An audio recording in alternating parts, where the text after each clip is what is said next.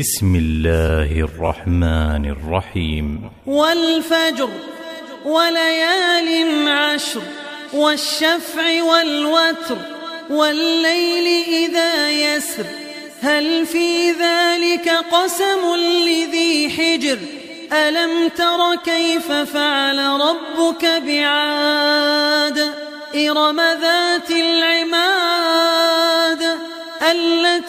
لم يخلق مثلها في البلاد وثمود الذين جابوا الصخر بالواد وفرعون ذي الأوتاد الذين طغوا في البلاد فأكثروا فيها الفساد فصب عليهم ربك سوط عذاب إن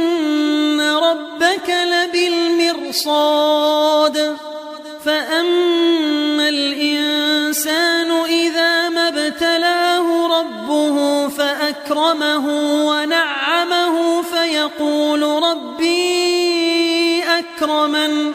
وأما إذا ما ابتلاه فقدر عليه رزقه فيقول ربي أهانن. كلا بل لا تكرمون اليتيم ولا تحاضون على طعام المسكين وتأكلون التراث أكلا لما وتحبون المال حبا جما كلا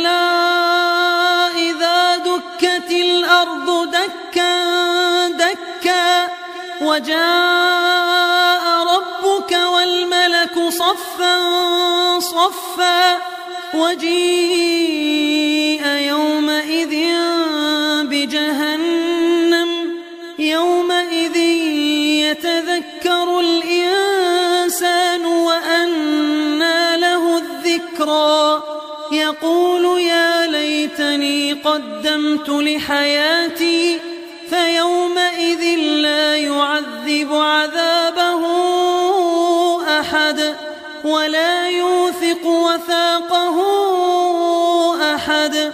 يا أيتها النفس المطمئنة ارجعي إلى ربك راضية مرضية فادخلي في عبادي وادخلي جنتي.